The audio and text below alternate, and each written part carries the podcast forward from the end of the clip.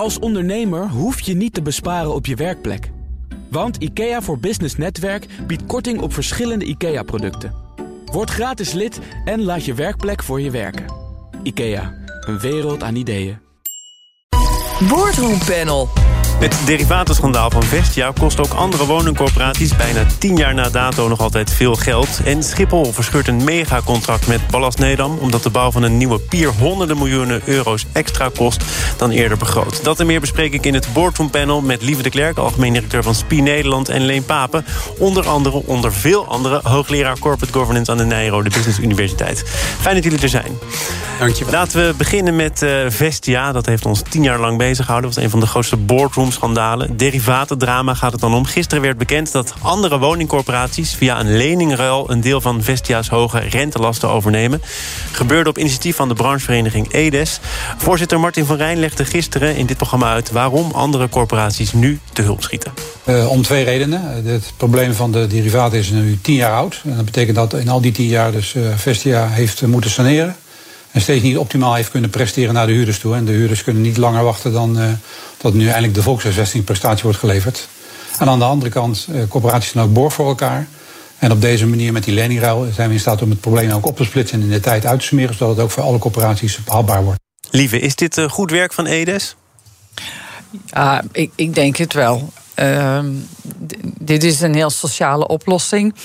Uh, ik zou ook eigenlijk niet hebben kunnen bedenken wat een alternatief was. Ik bedoel, wat, wat had je dan moeten doen? Vestia, misschien een kopje onder laten gaan. Nou, was dat dan een goede oplossing geweest? Nou, als je het alleen vraagt, zegt hij ja. Zegt hij ja? Ah, ja. ja. ja. dat was een alternatief geweest. En, ja. en dan uh, bloeden de banken. Hè, die, uh, Zo is het. Ja, dus tien jaar gekund. geleden hadden we ja. dat moeten doen. Hè?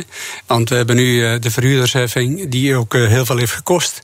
Het probleem is nog niet weg. We gaan het nu eruit smeren over 40 jaar. Dus mijn keuze zou zijn geweest: sterfhuis en uh, failliet laten gaan.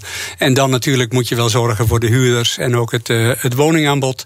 Maar dit is natuurlijk een, een, een wet van de behoud van ellende. Maar dat, dat is dan vrij makkelijk. Je moet wel zorgen voor woningbehoud voor de huurders. Dat is nogal een dossier als je een uh, grote corporatie, de grootste corporatie van Nederland, kopje onder laat gaan. Nou nee, want de banken hadden daar het meest onder geleden natuurlijk. Dus die hebben die leningen verstrekt, de derivaten verkocht. Uh, en op het moment dat je die in de sterfhuisconstructie achterlaat, hebben zij een probleem. Ja, en dan ja, had je ja, natuurlijk die woningen uh, kunnen doorverkopen aan andere corporaties, wat nu ook gebeurt.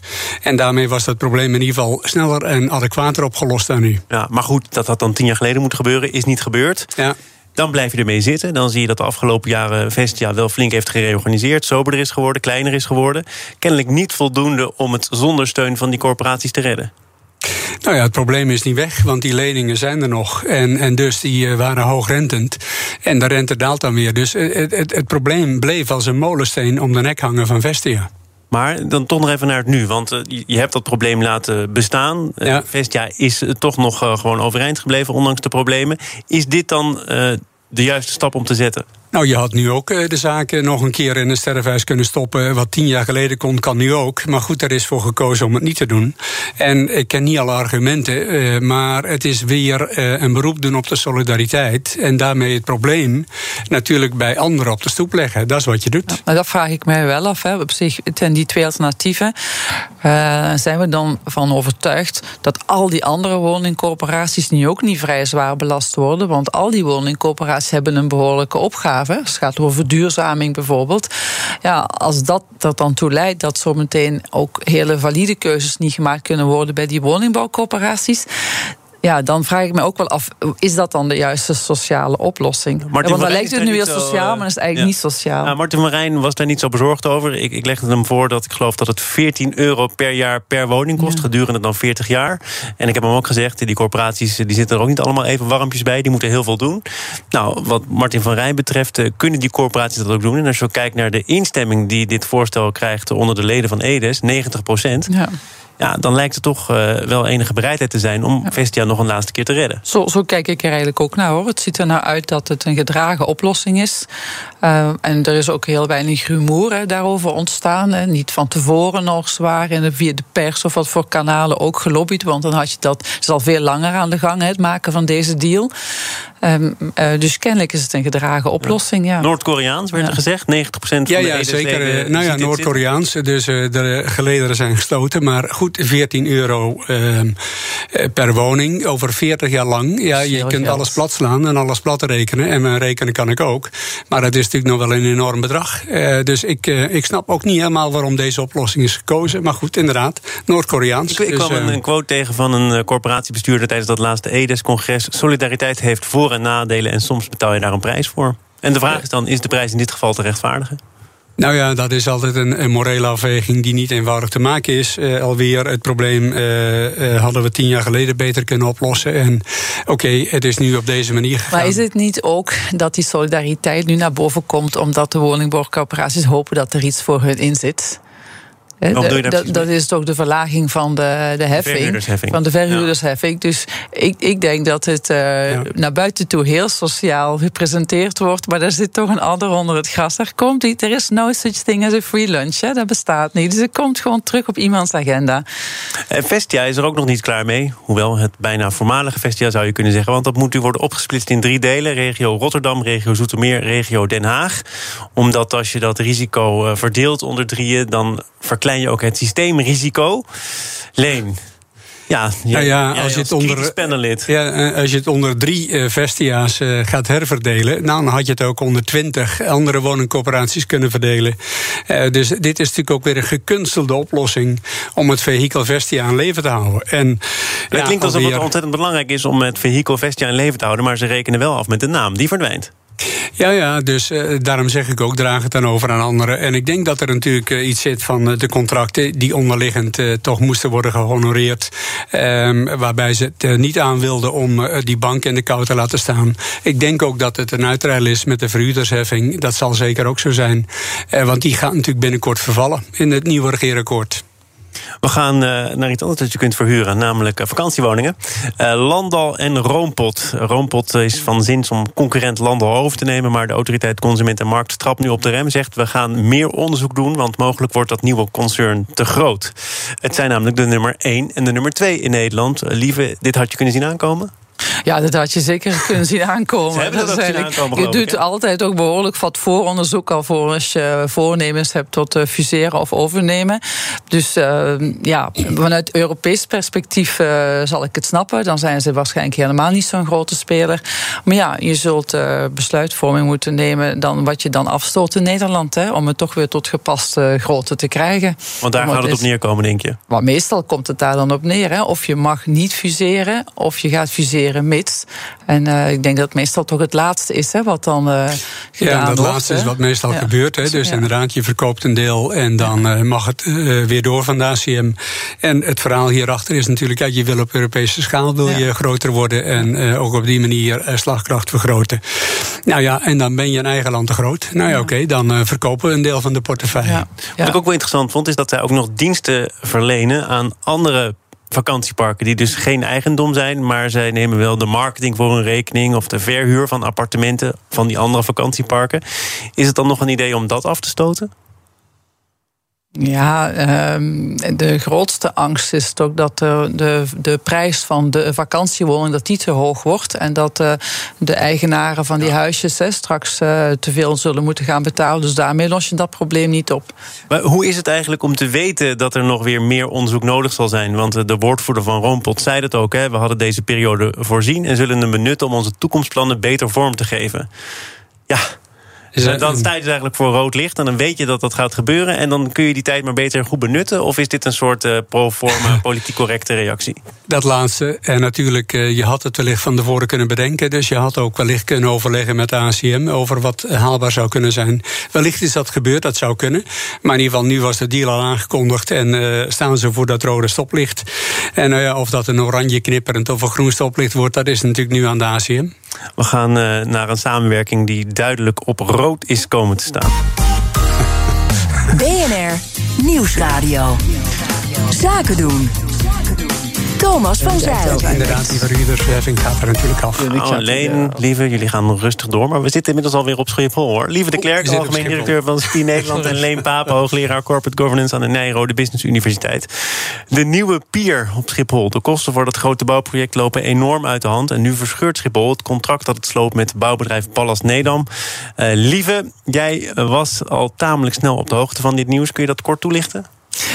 Ja, wij zijn een van de onderaannemers die onder die uh, main GV of die JV vallen. Niet de main GV, maar daaronder vallen. Dus wij uh, met, met ons, vele onderaannemers, hebben al heel veel maanden last van een slecht functionerende uh, opdrachtgever. En we worden met z'n allen al vele maanden niet betaald. Um, en, dus ik, ik, ook mijn woorden nu een beetje. Hè, want ik wil graag dat het voor ons en voor heel veel onderaannemers ook goed opgelost geraakt. En Schiphol verscheurt nu weliswaar het contract naar haar opdrachtnemer. Maar daarmee is nog niet de situatie opgelost voor de vele onderaannemers eh, die daar heel goed werk hebben geleverd. en die vandaag de dag gewoon niet betaald worden. En wat zou een oplossing voor die vele onderaannemers kunnen zijn?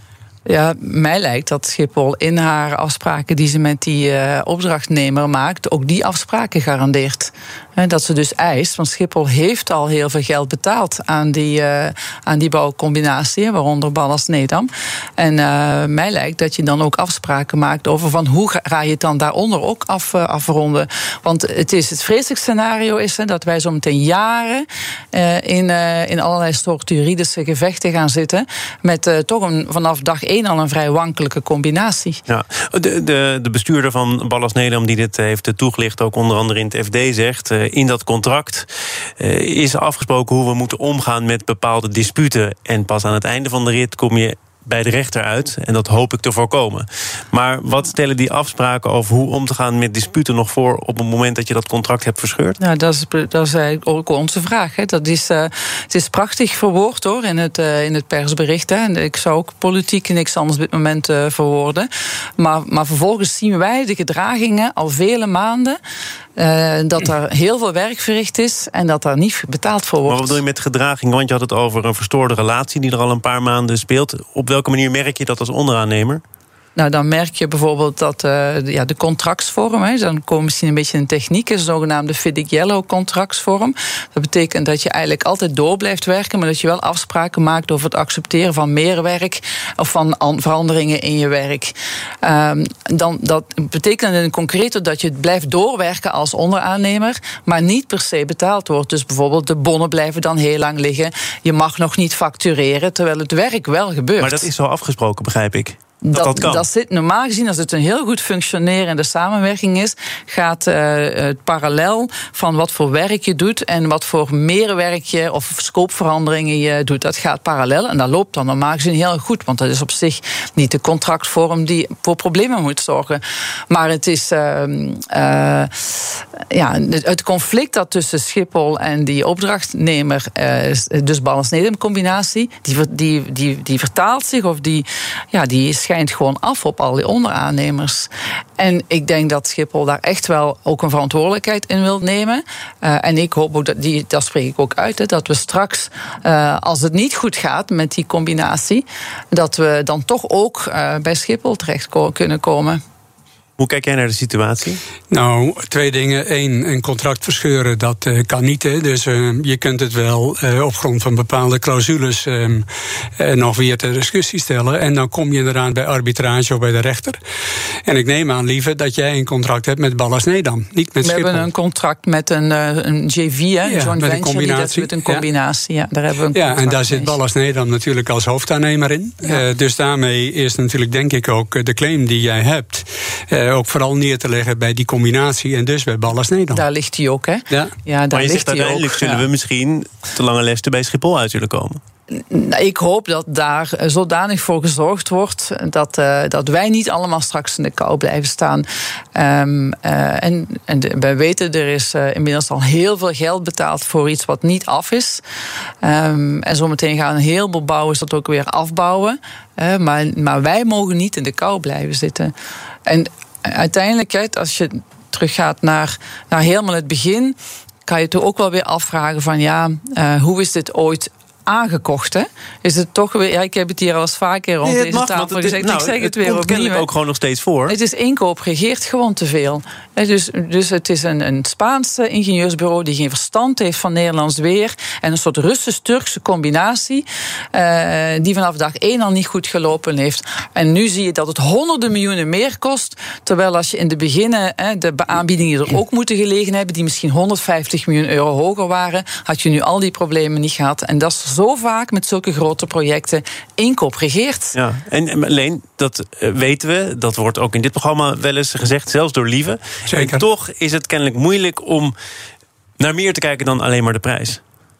Nou, eh, nee, ja. Dus eh, ik eh, heb zelf bij het ministerie van INM in de auditcommissie gezeten toen Ballas Nedam omdreigde te vallen rondom de A15. En dan was daar de conclusie tweeledig. A, het kunnen calculeren, dat valt niet mee. Dat is één ding. En, en B, men heeft ook vaak te laag ingeschreven op grond van inderdaad inkoop regeert. Maar toen al stonden ook in de, in de voorwaarden dat je natuurlijk bij een aanbesteding kunt kiezen op een aantal criteria. En dan tekent de overheid ook vaak wel in dat kwaliteit ertoe doet, eh, risicomanagement, noem maar op. Maar is dat dan Alleen- een beetje voor de praatje voor de vaak? Nou, eh, tot op heden is dat vaak een praatje voor de vaak. Dus het staat er wel, maar at the end of the day wordt de prijs natuurlijk meestal te zwaar gewogen. En het is natuurlijk pennywise pound foolish, want ook bij die A15, leuk, maar de BV Nederland heeft dan dus geen A15. Dan moet dat natuurlijk door anderen worden opgepakt. Dan kost dat de maatschappij natuurlijk extra geld. Dus het is inderdaad pennywise pound foolish. Ja. Nou, en sorry, wat jij beschrijft, hè, die kwaliteitscriteria, die zijn er inderdaad. Maar het is bijna altijd de objectivering van de subjectiviteit. Eh, en eh, de, de, de prijs is toch echt wel. En wie is zo intelligent? Niemand. Om een project van 400 miljoen euro te kunnen calculeren of gewoon te overzien. Rijkswaterstaat heeft daar nu een paar al goede alternatieven voor. Hè? De zogenaamde Ja. twee-fase aanpak. Ik ben daar erg voor. De bouwteam aanpak, waarbij je veel meer samen van het begin af aan optrekt. Eh, maar waarbij je ook aan beide kanten beseft, eh, er zijn risico's, die moet je inschatten. En dat het niet allemaal bij de ene neergelegd wordt. Dus dat veel meer samen optrekken. Niemand, niemand is zo Maar als het intelligent. over dit soort projecten gaat, hè, 400 miljoen is volgens mij oorspronkelijk begroot. Zijn er dan echt partijen, opdrachtgever en opdrachtnemer, die ervan uitgaan dat het voor die 400 miljoen gaat lukken? Of wordt er al ingecalculeerd, want door ervaring leert men dat het eh, aanzienlijk hoger zou kunnen gaan worden? Nou, meestal als je professioneel opdrachtgever bent, heb je risicopotten Ja. ingecalculeerd. Ja, Dan heb je verschillende niveaus van. Maar niet een verdubbeling. En niet een verdubbeling in de tijd. Eh, Dan heb je gewoon echt geen goed project aangenomen. En, en, en, en ook niet beheerd. We gaan eh, naar ons eh, laatste onderwerp. Dat gaat over onafhankelijke fraudeonderzoeken van advocaten. De prominente Zuidas-advocaat Aldo Verbrugge liep recent tegen de lamp. Hij werd door Gerard Sanderink ingehuurd als onafhankelijk advocaat-onderzoeker. Maar nu wordt duidelijk dat hij ook in andere zaken de belangen van Sanderink behartigde. En zodoende voor ingenomen is. Eigenlijk nooit een onafhankelijk oordeel heeft kunnen vellen. Leen, om nog even kort te schetsen, wat is nou precies de positie van die onafhankelijke advocaten? Nou, een advocaat heeft in zijn beroepseer natuurlijk staan dat onafhankelijkheid een groot goed is. Hè? Dus dat is ook eh, waar ze naar leven. Eh, dat is aan de ene kant natuurlijk mooi ge- gedefinieerd op papier. Maar op het moment dat jij de huisadvocaat bent van een bedrijf, dan dien je natuurlijk per definitie een belang. En op het moment dat je dan natuurlijk als huisadvocaat nog een keer wordt ingehuurd voor een fraudeonderzoek. Ja, ik snap het niet. Eh, ik denk dat je dat beter aan een derde kunt geven. Want dan ben je natuurlijk zeker al bij voorbaat verdacht van een zekere afhankelijkheid. En dat is ook in dit geval gebleken. Dus eh, de advocatuur en meneer Verbrugge hebben zichzelf geen dienst bewezen. door deze constellatie ook op deze manier gewoon goed te vinden. Maar het, het mag kennelijk wel, want het is Het ook niet voor het eerst dat dit zo gebeurt. Het is Nee, niet voor nee, het nee. eerst dat het verkeerd afloopt. Zeker. Verkeerd Het is- afloopt de zaak. En dat is waarom het ook zo raar is. Het is al vaker misgegaan. Dus het is heel simpel op te lossen door te zeggen: op het moment dat je zo'n fraudezaak hebt. en je wil een onderzoek laten doen door een advocaat. dan doe je dat per definitie niet door je huisadvocaat. Simpeler dan dat kun je het niet maken. Is het zo simpel, lieve? Maar ik ben het daar echt helemaal mee eens. Dat is echt toch heel erg naïef om te denken dat hij onafhankelijk had kunnen blijven. En dat is overigens een heleboel relaties zo. Als ik uh, onze huisadvocaat vraag om mij te adviseren in een bepaalde rechtszaak, zegt hij meestal ook wel van nou, je hebt hele grote kans van slagen. En hoeveel wetenschappelijke onderzoeken die betaald zijn door opdrachtgevers hebben niet een bepaalde kleur gekregen waarvan je kunt afvragen hoe onafhankelijk is dat nou zo. Het was inderdaad wijs geweest van Verbrugge om te zeggen: deze opdracht neem ik niet aan, ik leg die bij iemand anders. Maar waarom, waarom gebeurt dit dan toch? Hè? Want we kunnen putten uit het nou. Eh, rijke verleden van zaken waarin dit speelde, waarin die onafhankelijkheid ook ter discussie, kwam te staan. Is, is die huisadvocaat gewoon het eerste makkelijke belletje? En... Nou, dat, uh, drie dingen. Dus hij zit bovenaan in de Rolodex om te bellen. Uh, twee, hij kent natuurlijk al een heleboel van het bedrijf. Dus hij heeft een zekere voorsprong daar waar een nieuweling zich moet inwerken. En dat kost dus ook tijd en dus geld.